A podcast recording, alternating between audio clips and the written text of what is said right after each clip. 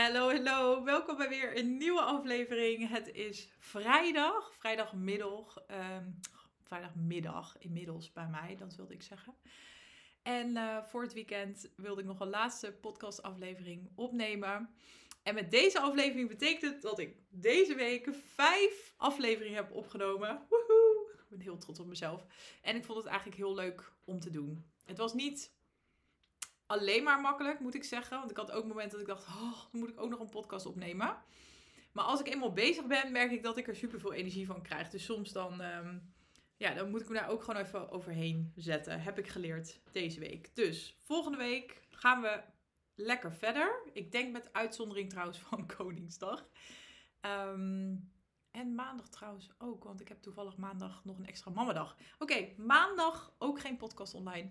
Maar de rest van de dagen, als het, ehm, als het kan, dus als het geen feestdag is of geen mamadag, dan neem ik een podcast voor je op. En uh, deze laatste voor het weekend, ehm, ja, wilde ik het met je hebben over. Oh, het is weer zo rommelig, ik heb niet eens de intro gedaan. Welkom bij een nieuwe aflevering van de Dieneke Mulder podcast. Super leuk dat je luistert de podcast voor als je hoopt uh, binnenkort weer te gaan bevallen omdat je nu zwanger bent van je tweede kindje of ooit weer te gaan bevallen van je tweede kindje, maar je ziet er ontzettend tegenop door je eerste ervaring. Nou, superleuk dat je luistert en uh, welkom bij deze nieuwe aflevering. Nou, zoals ik net al zei, we gaan het weekend in en ik heb nog één um, ja, denk ik best wel leuk onderwerp even om het weekend mee in te gaan. En het is naar aanleiding van een coaching sessie die ik echt net heb gehad. Dus echt net een half uurtje geleden, volgens mij, waren we klaar.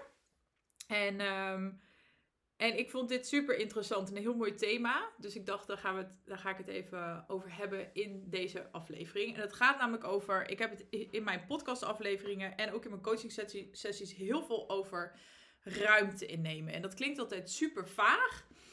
Maar dat is iets wat eigenlijk in iedereen die ik begeleid, alle vrouwen die ik begeleid en in mijn eigen verhaal trouwens ook heel erg, staat dat centraal.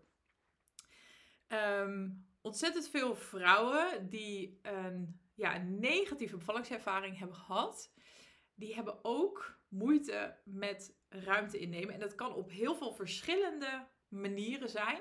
Maar dat is iets waar ik um, ja, dus mee aan de slag ga met vrouwen. Dus hoe je dat dus ook kunt oefenen in het dagelijks leven. Maar ook wat maakt nou dat je dat lastig vindt? Waar komt dat vandaan? Wat zit daar onbewust onder?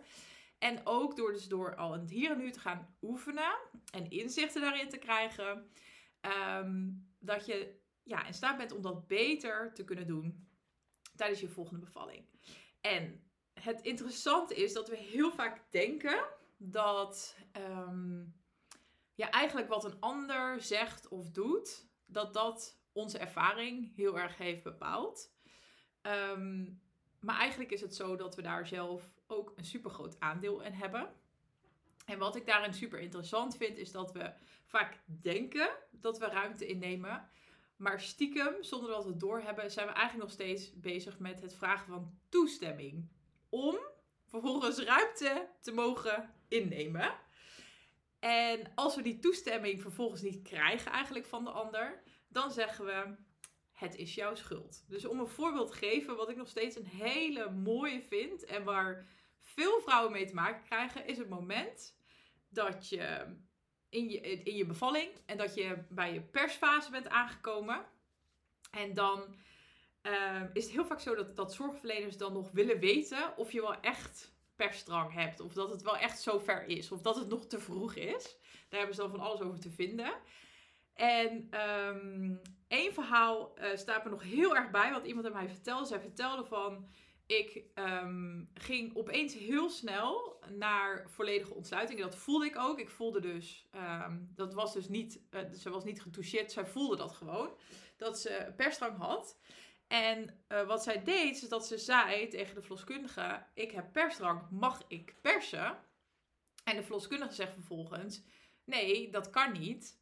Um, want jij had net nog, weet ik veel wat, 4, 5 centimeter. En nu opeens zit je op volledige ontsluiting. Dus dat kan niet. Dus je moet het even, even ophouden. Of er zijn ook verhalen van vrouwen die zeggen: Ja, ik moest persen. En toen moest ik wachten tot de gynaecoloog was. Of tot die klinisch verloskundige er was. Uh, dat is een beetje de soort, soortgelijke setting. En ehm, waarom ik dit deel, hier zit geen oordeel op. Even belangrijk om te benoemen. Maar dit is echt een super interessante situatie. En denk ook een heel herkenbare situatie. Wat er namelijk eigenlijk gebeurt, is dat jij voelt iets in je lichaam. Jij voelt dat er iets gebeurt. Je lichaam geeft een signaal van: hey, het gaat beginnen. We gaan persen. En op dat moment ehm, denk je een soort van ruimte in te nemen door te zeggen: hey, ik moet persen. Um, en, maar leg je dus de vraag bij de zorgverlener neer. Door te vragen: ehm, volgens mij heb ik persdrang, heb ik volledige ontsluiting. Mag ik gaan persen? Dus we leggen die vraag neer. En eigenlijk wat je daardoor doet, is dus je denkt misschien dus ruimte in te nemen door uit te spreken wat er aan de hand is. Maar tegelijkertijd vraag je toestemming aan de ander, dus aan de zorgverlener in dit geval, om daar vervolgens iets mee te mogen doen. Dus dat is een beetje wat ik bedoel met toestemming vragen. Wat er in heel vaak van dit soort verhalen dan gebeurt, is dus dat de zorgverlener zegt, nou dat kan niet, of uh, wacht nog maar even tot die en die er is. En dat vrouwen vervolgens dus na die ervaring zeggen, ik werd niet geloofd, of er werd niet, er werd niet naar mij geluisterd. En dan, um, dat kan je op die manier bekijken, maar hoe je het ook kan bekijken is, um, waarom voor, uh, of zeg maar de vraag is denk ik die eronder zit. Wat maakt dat jij het lastig vond om op dat moment um, niet gewoon zeg maar naar je lichaam te luisteren.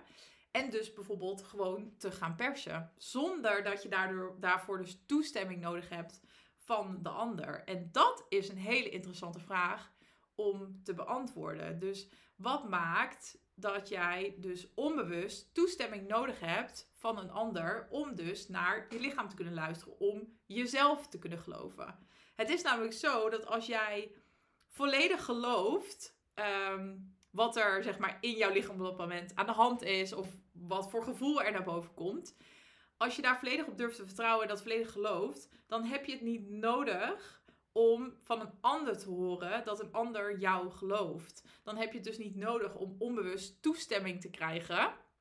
Om gewoon mee te gaan in de signalen die jouw lichaam geeft. Ik vind dat echt een super interessante.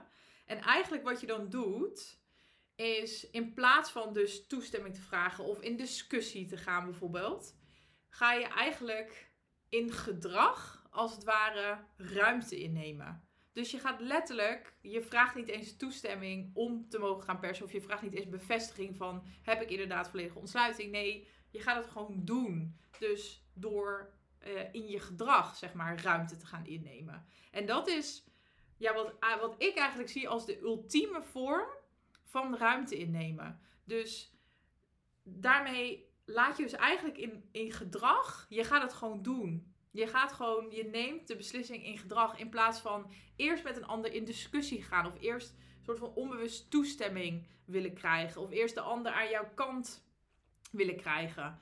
Want eigenlijk betekent dat, en ik begrijp het, ik doe het ook, maar eigenlijk betekent dat dat je onbewust nog steeds wil, ehm, of dat je een soort van voorwaarden stelt om ruimte te mogen innemen, namelijk ik wil dat, het ander, dat de ander het met me eens is. Of ik wil dat de ander oké is met mijn beslissing. Of ik wil dat de ander niet gekwetst wordt door mijn keuze. Of ik wil dat de ander niet boos wordt door mijn keuze.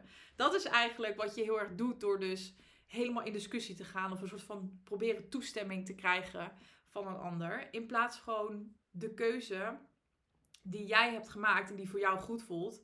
Gewoon in gedrag te uiten. Dus door dus gewoon je lichaam te volgen en te gaan persen. En ik weet het, er zijn ook uitzonderingen waar, waarin er wel gecheckt moet worden. Maar in veel van de gevallen denk ik ehm, dat je wel gewoon je lichaam kan volgen op zo'n moment.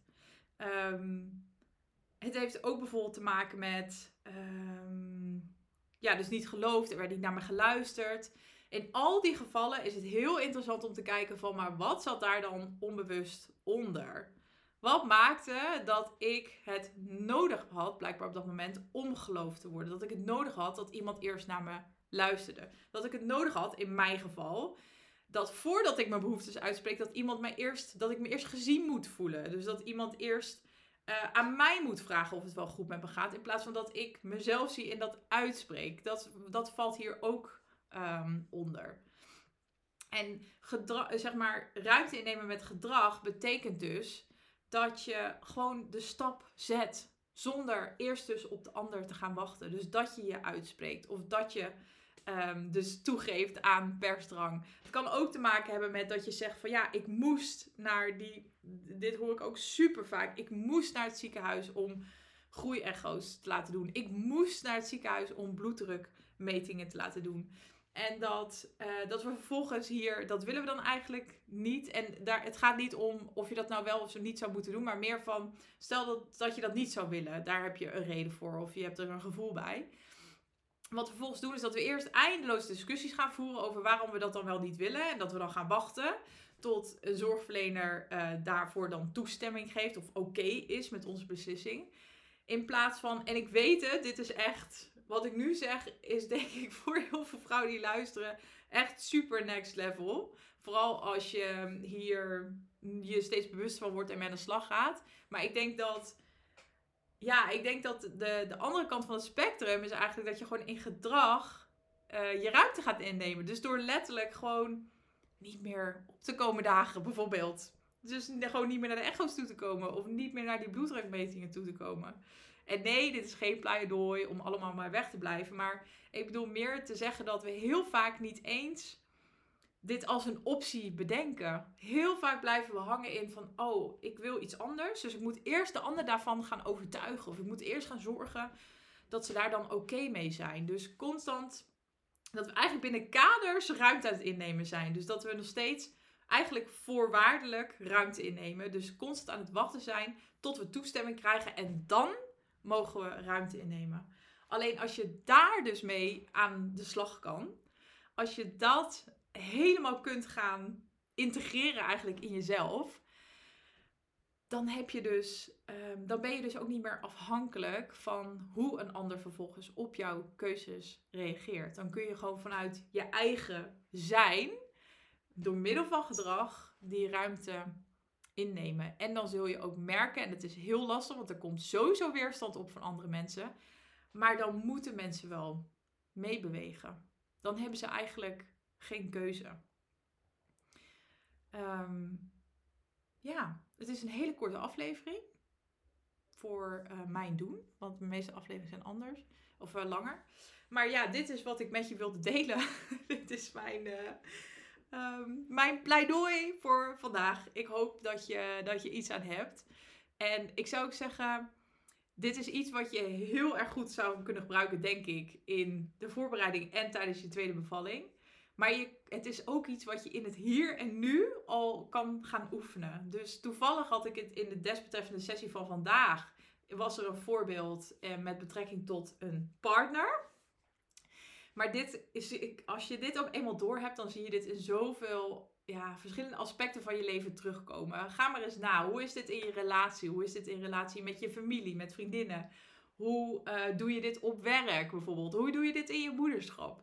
En in al die verschillende situaties kan je dus in het hier en nu al gaan oefenen. Zodat het in de aanloop naar je tweede bevalling, dus al tijdens je zwangerschap en in die bevalling gewoon veel comfortabeler wordt. Dan is het al meer onderdeel van jezelf.